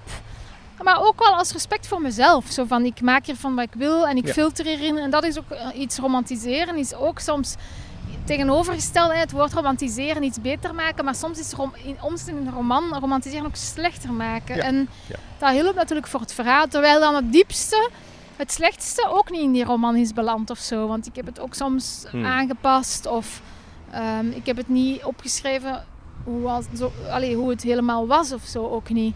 Ehm, Heb je ooit, denk je, de behoefte om dat te gaan doen nog? Om, om een eigenlijk keer te schrijven over hoe het echt helemaal was? Ja, dat denk ik wel. Maar dan, dan ja, misschien is het ook al te laat, want alles wat ik er nu nog van weet zijn flarden ook. Ik kan dat niet meer oproepen. Ehm, dus ik ga ook maar een paar dingen nog opschrijven, zoals ik ze al honderd keer tegen mezelf heb verteld. Of tegen vrienden die ik dan een paar dingen vertel die mij ja, ge- gevormd hebben, ook omdat ze mij zo gekwetst hebben of zo. Dus die dingen gaan dan ineens heel groot worden en ik moet het toch in een context zien van heel veel dagen waarop dingen ook gewoon goed gingen. En mijn ouders die ook wel hun best deden. Dus het voelt ook alsof ik, als ik hier nu dicht bij mijn huis sta, dat ik ook ineens weer veel milder praat. Ja. En dat ik ook ineens zie hoe groot dat Mm. domein was. En, en dat huis en, hoeveel en dat het eigenlijk toch ook wel prachtig was en idyllisch. Als je er nu als buitenstander naar kijkt, dan... ehm, ja, en hoe, hoe vanzelfsprekend ik hier ook thuis kwam en op dat padje liep. En dat we hier in een badpak in de tuin met waterpistolen en zo. Dat is er ook allemaal geweest, die kindertijd. Ja. En, en zo dat, ja, het, het, eh, ja, eigenlijk gebeurt dat gewoon in een jeugd, in een dorp. We hadden bijvoorbeeld een, in die garage hier, die er ook nog altijd is, was heel veel rotzooi en spullen. En in het hoekje lagen zo van die dekens. Mm.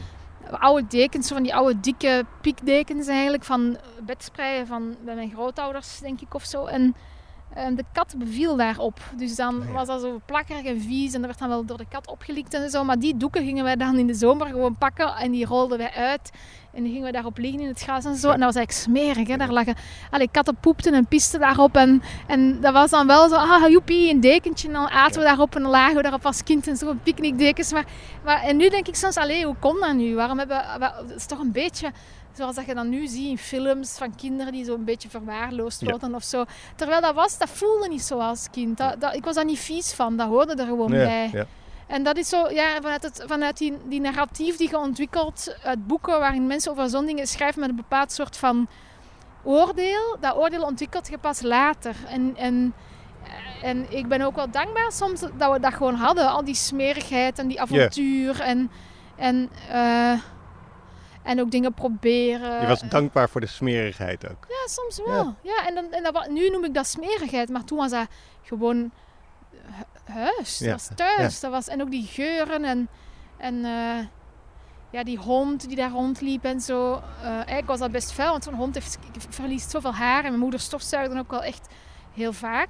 En toch was dat hier en daar wel een beetje vuil natuurlijk. Omdat je gewoon een hond hebt die daar heel tijd rondloopt. En dan nog een husky, dus het was ook geen kleine hond. Oh, want die hond ging alleen s'nachts dan in die kooi. Ja, ja. oké. Overdag liep hij Overdag gewoon door de kamer. Ja, binnen. Ja, Ja, liep hij precies. thuis Ja, rond. Die ja, mocht wel precies. niet- Ja. Op bepaalde plekken mocht niet boven, mocht niet in de living, in de zetels en zo. Maar Ja. die, die, ja, die zat dan in de keuken. En, Ja. en eh, ja, dus het is, het is niet... Ik moet heel even denken aan eh, de dichter J.C. Bloem. Nederlandse dichter die opgroeide in Oudshoorn, wat nu Alphen aan de Rijn heet. Eh, en daar, had- daar woonde hij in Villa Nuova, een Hmm. groot huis met een tuin. En hij is eigenlijk altijd, hij is toen op jonge leeftijd op kamers gaan wonen in Leiden. En hij is eigenlijk altijd terug blijven verlangen naar die tuin. Ja. En Proest doet dat ook op zijn manier heel sterk natuurlijk. In, met, met terugverlangen naar het dorp waar ze dan op vakantie gingen. Eh, herken je daar iets van? Heb je dat ook? Ja, zeker. Of terugverlangen naar, naar de goede momenten die je hebt gehad in, in die tuin en de vrijheid die je had. Maar eigenlijk is dat meer terugverlangen naar een kindertijd. En, en het zonder oordeel leven en, en niet alles in een kader kunnen zien. Gewoon zo die, die betovering die je als kind hebt. Daar verlang ik naar, naar de betovering. En je wordt gewoon, ze noemen dat de onttovering van het opgroeien. En daar heb ik wel last van. En die, dat is ook wel... Ik heb dat, ik heb dat ook wel, ja, omdat ik schrijver ben, ook wel van genoten op zekere zin. Om zo heel streng te beginnen zijn voor alles. En, en ehm, wel juist met een oordeel te komen. Maar stiekem, ja, is, blijft dat toch een soort van magische plek of zo. Waar ik nu niet meer naar kan terugkeren. Want ik ben ook geen kind meer. Van binnen natuurlijk wel nog. Maar niet meer in hoe ik kan spelen. En dan merkte ik daar straks toen ik poseerde in het klimrek. Dat ik amper nog tussen die, tussen die ruimte pas. Je poseerde voor de fotograaf in het klimrek. Ja, en dat was heel klein ineens. Ik paste er amper door. Ik kon Ja, daar niet meer doorheen bewegen of zo. Ehm, dus En ja, ik- ja, En je zegt aan de ene kant zeg je de betovering en daarna de onttovering. Ja. Dus waar zat de betovering dan in? Gewoon in dat dit je, eh, je, je leefomgeving was? Dit was je actieradius eigenlijk? Ja. waar we, wat we net hebben gewandeld was je wereld. Ja, en ook veilig. Ik, we lagen hier gewoon snak, ehm, in zomers in ons badpak. Op die hete weg gingen wij gewoon zo open liggen. Als er auto's aankwamen, dan Dit gingen we weer waar weg. we nu ja. op staan. En dan tekenden we met krijt en Ja. ehm, maakten gipsafdrukken van voetafdrukken en zo. En hier konden we ook gewoon, we rolden onder die prikkeldraad en dan Ja. gingen we een bal halen die hier in de wei was of zo. We mochten overal komen. Door, we liepen door de maisvelden, ook al mocht dat niet. We bouwden echt hutjes.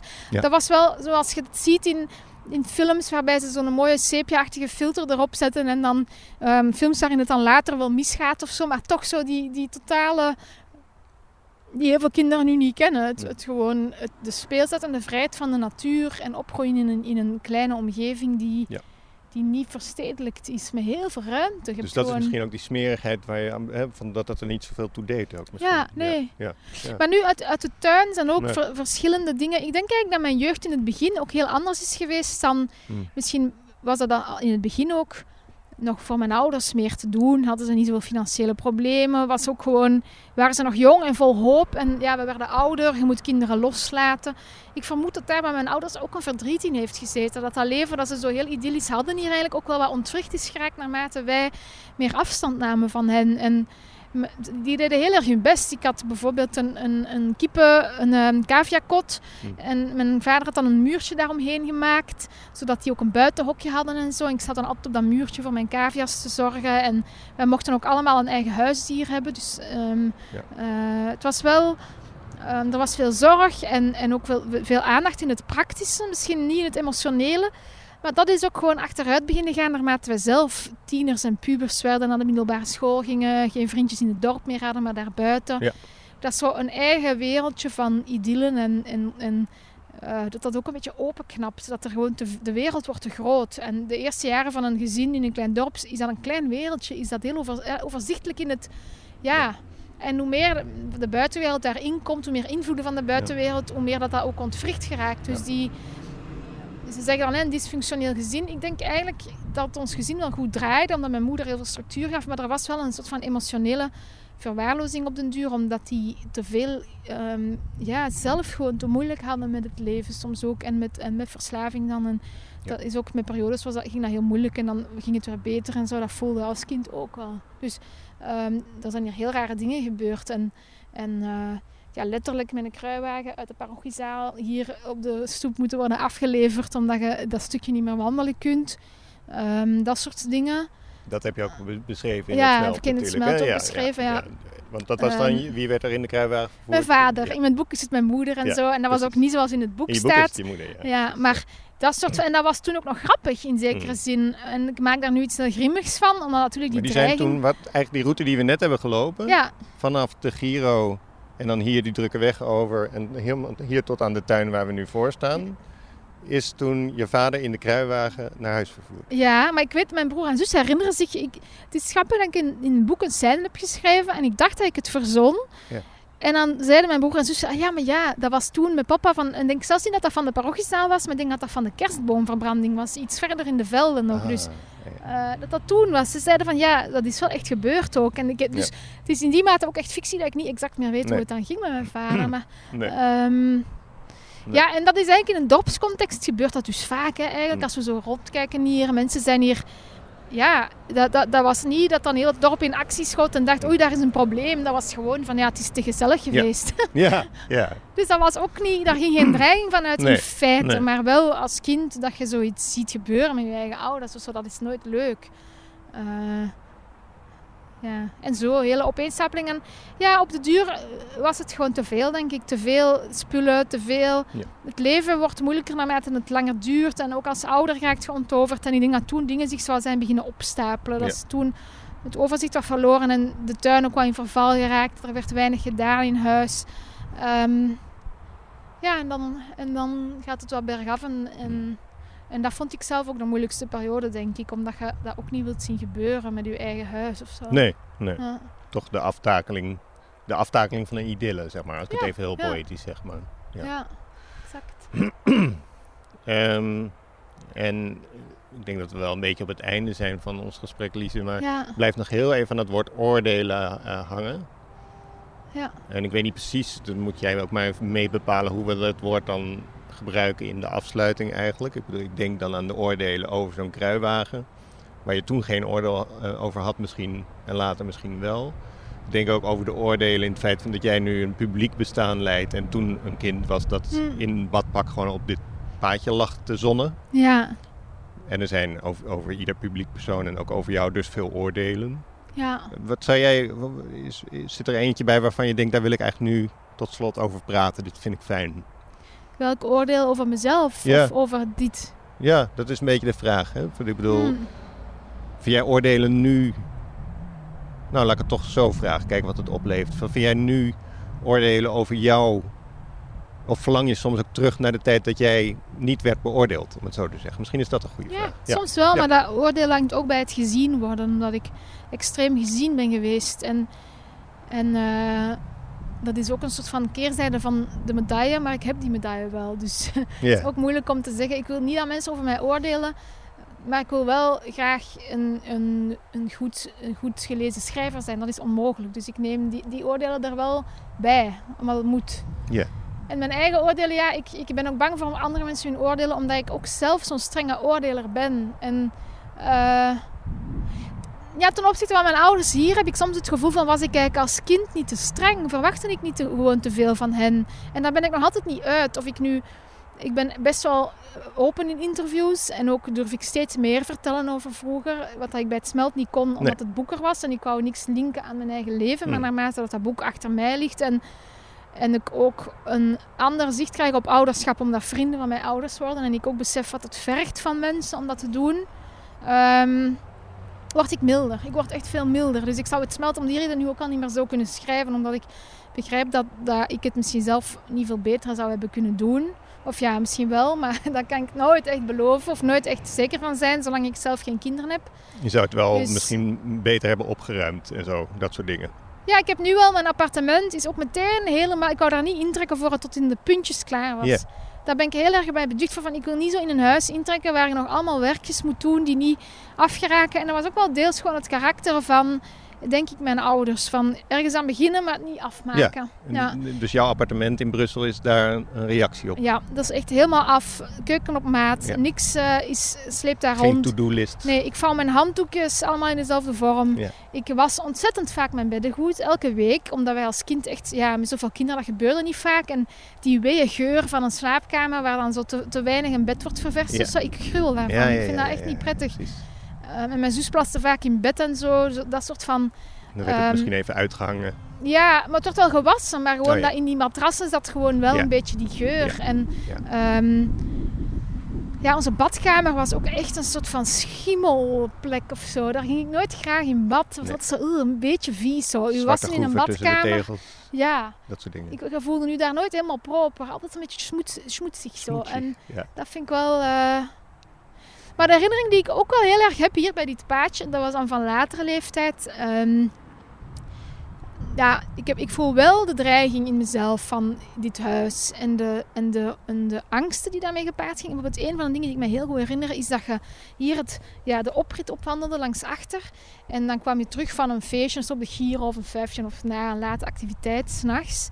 En dan vond ik het zo ongelooflijk lastig om de, het huis binnen te gaan.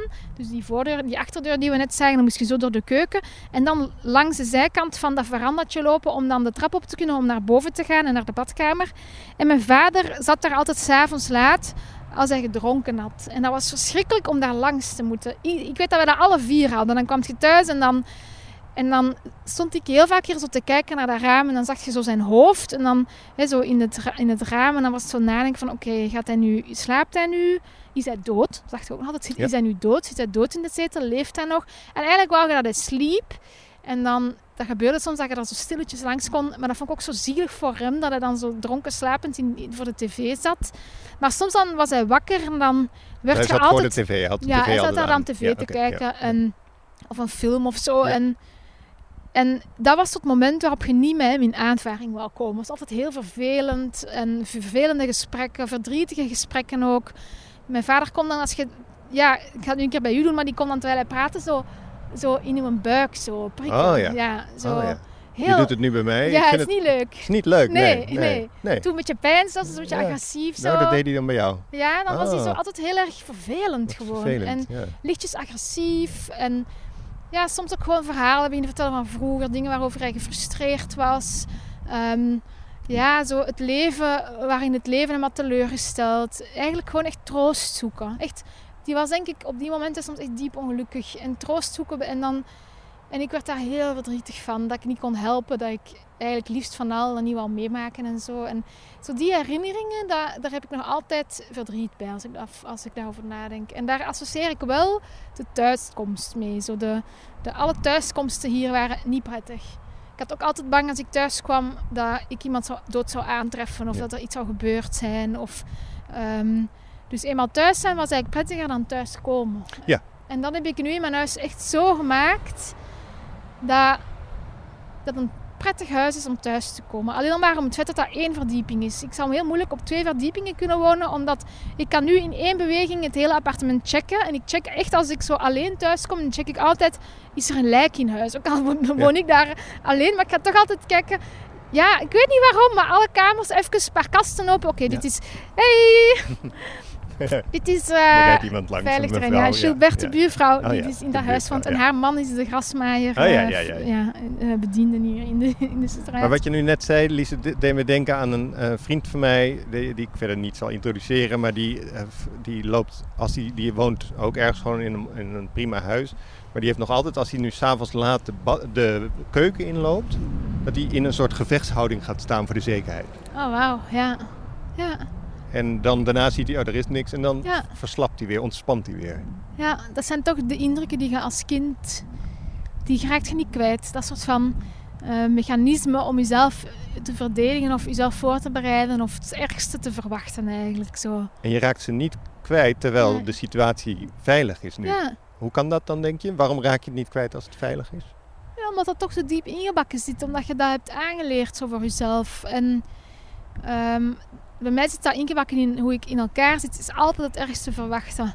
Als ik op een kind van een vriend pas, dan zie ik altijd 's ochtends hoe hij voor de metro valt voor ik vertrek. Van, wat ga ik dan doen? Hoe, hoe vertel ik dit dan? Of wat, ja, gewoon, ik ben altijd voorbereid op het allerergste. Ja. En, en dat is een, een manier van leven die mensen die, die daar in hun jeugd niet mee bezig moesten zijn, echt niet, niet bij kunnen. Die gaan uit van het beste. En dat is echt anders, ja. En Ja, ergens... zij gaan uit van het beste en ze denken dat valt dan eventueel tegen. En jij denkt, gaat uit van het ergste en denk je misschien valt het mee. Ja. ja, eigenlijk wel. Ja. Of de, de beren op het pad zien eerder dan het pad zelf. Eh, Ja. En ik denk die houding dat, dat die vriend dan aanneemt in de keuken, die verdedigingshouding, daar veruiterlijkt die zich heel erg. Maar die houding die zit bijna in uw ziel voortdurend ingebakken. Dat is hoe dat uw ziel in uw lichaam zit bijna. In een soort van... ehm, ja, je bent verantwoordelijk ook voor alles. Het is, Ja. het is uw verantwoordelijkheid om de dingen goed te doen aflopen op elk moment. En nu Eh, staan wij in Viersel, vlak bij de drukke weg, voor jouw ouderlijk, ouderlijk huis. bij de achteringang. En voel jij gewoon weer even hoe jij s'nachts als jongere, als kind, hier dan naar binnen moest lopen. En dan langs je vader moest die daar Ja. televisie keek. Ja, eh, in kennelijke staat, zoals wij dat in Nederland noemen. Hè? Dat je gedronken hebt. En dat je dacht van kan ik er langs? ja, Of word ik aangesproken of word ik gepind met een vinger Ja, in, mijn, ja. in mijn buik, zoals je net bij mij deed. ja. En dat voel je gewoon nu nog steeds. Ja, dat voel ik nog steeds. Of de angst om s'nachts naar de wc te gaan, was dat ook zo. Want dan moest je de trap af en ook in de gang, recht tegenover de deur. Maar dat was zo van dat melkglas, dus je kon niet echt zien. Maar ik ging ook altijd zo, zo snel mogelijk in de hoop dat, dat het niet gezien werd dat ik ging plassen. Maar soms deed je dan de wc-deur terug open, want dat was zo'n deur, een licht dat je zo al zoemend aandeed. Dus dat kon niet stilletjes.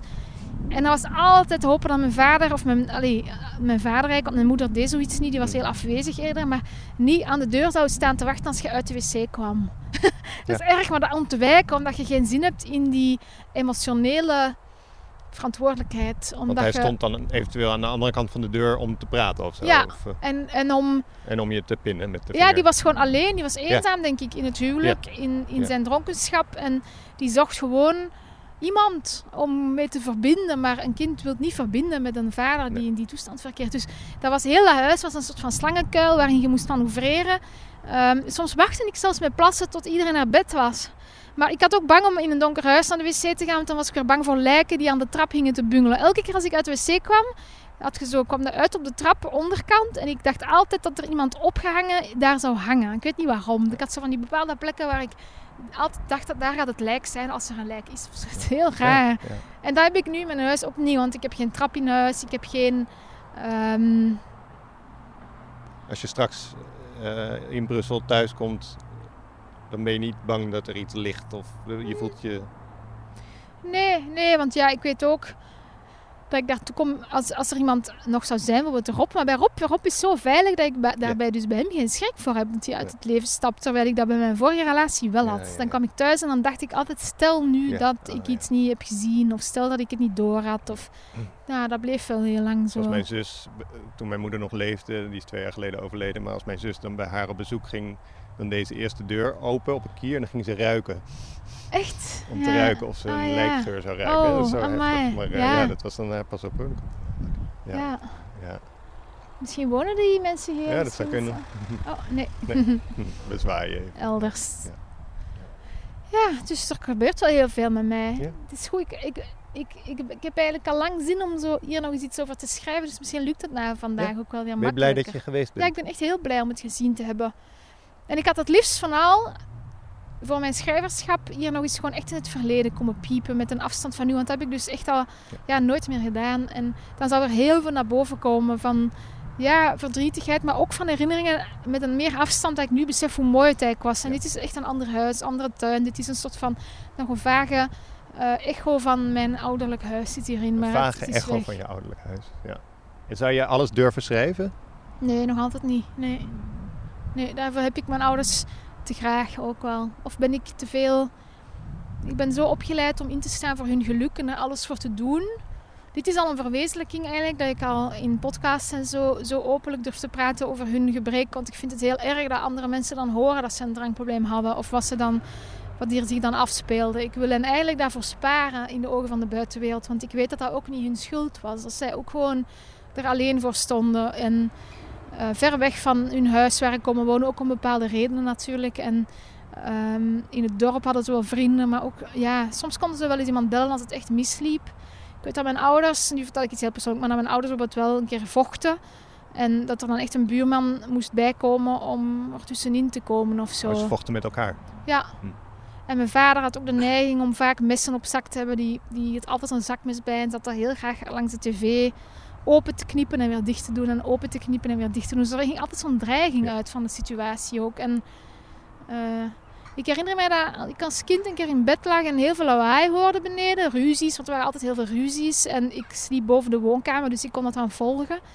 En dat ik echt een keer naar beneden ben gelopen omdat ik dacht dat mijn vader een wapen bij had. En dat ik mijn vader toen ben gaan fouilleren onder de vorm van een knuffel.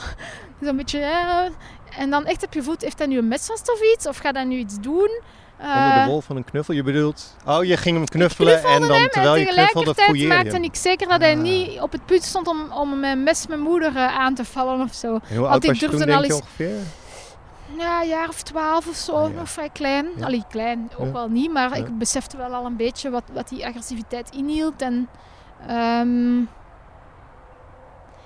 ja, mijn ouders dreigden daar ook wel vaak mee hoor. Ook toen ik hier, dat was zo'n onmacht die uitging toen, toen ik op kot ging. Ehm, eerste, in de eerste twee jaar werd ik s'nachts door mijn vader gebeld en dan zei hij van ja, ehm, de insuline die je hier achter hebt gelaten in huis, want ik had al diabetes. Je moeder eh, gaat die nog gebruiken om zelfmoord mee te plegen, zegt ze tegen mij en zo, je moet die zo snel mogelijk komen weghalen. Maar dan belde hij mij daar s'nachts mee op, terwijl ik dan in Brussel was. Dus ja, wat wilt je dan dat ik doe? Een kind van, eh, ja, ik was da- dan echt nog een kind. Ik was 18 of zo. Juist in die grote stad. Geen een auto, niks om mij mee te verplaatsen. En dat soort dingen neem ik dan wel heel erg kwalijk. Dat ik denk van oké, je kunt het ook proberen zelf op te lossen zonder kinderen daarin te betrekken. Maar dat is juist die eenzaamheid geweest. Van eh, zie mij ook gewoon, geef mij aandacht. Maar da- om daarmee met die aandacht schreeuwen zoveel kwalijke dingen doen dat ik dus daarom ja, echt da- daardoor gekwetst ben geraakt van angst. En, en, eh, en dat deden die vaker. Dat deden ze echt vaak. Dat is niet enkel toen ik 18 was, maar ook als wij kleiner waren. Ja. En dat zijn dingen, vind ik, ja, daar ben ik soms wel nog verdrietig over. Maar dan vind ik het extra knap, omdat je natuurlijk ook de loyaliteit als een soort, bijna als een soort touw om je nek hebt af en toe. Hè? Van, je, Ja. je wil natuurlijk loyaal zijn, maar tegelijkertijd vertel je wel iets. Ja, En dat is ook een, dat is een overwinning voor jou. Hè? Ja, exact. Dat is echt. Maar ik weet ook, als dit al afgelopen is, ga ik me daar misselijk voor voelen. Ja. En ik doe dit ook op mediakanalen die, waarvan ik dan denk, dat gaan ze toch niet horen. En zo'n dingen deel ik dan ook, dat is niet heel erg, maar zo'n dingen deel ik dan ook niet op sociale media of zo, omdat ik geen zin heb dat ze... Dat is eigenlijk stiekem, maar dat is natuurlijk niet stiekem. Maar, eh, want ik vind dat ook erg en... eh, maar dit is inderdaad de keuze voor mezelf dan. Dit is waar ik probeer om... Nou ja, en ik zit ook te denken, Lise, van, want ik heb dat op een andere schaal of op een andere situatie. Maar ik heb dat ook wel dat ik er op een gegeven moment heel open over ben gaan schrijven. Ook toen mijn moeder gewoon nog leefde bijvoorbeeld. En dat ik het toch ook een beetje liet op een gegeven moment. Dat ik ook een beetje dacht, ja, ik lieg niet. Ja, Ik spreek de waarheid. Ik, ik doe verslag van wat er gebeurd is. ja, En dat is alles. En Ja. als dat pijn doet, dan doet misschien niet zozeer pijn dat ik het eh, opbreng, dat ik het opdis, maar gewoon dat het gebeurd is. Ja. Dus niet dat ik jou vertel wat je moet doen, maar meer dat ik denk van ja, weet je, loyaliteit is prachtig, weet je wel, maar tegelijkertijd is dit ook de situatie gewoon geweest. En je Ja. verzint niks.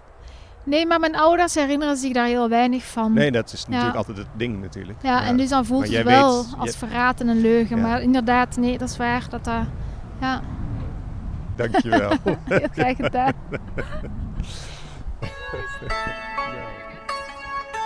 Dit was aflevering 1 van de podcast Naar Huis met Lise Spit. Volgende week wandel ik weer, dan met acteur André Dongemans. Een geschreven verslag van deze ontmoeting lees je in Trouw.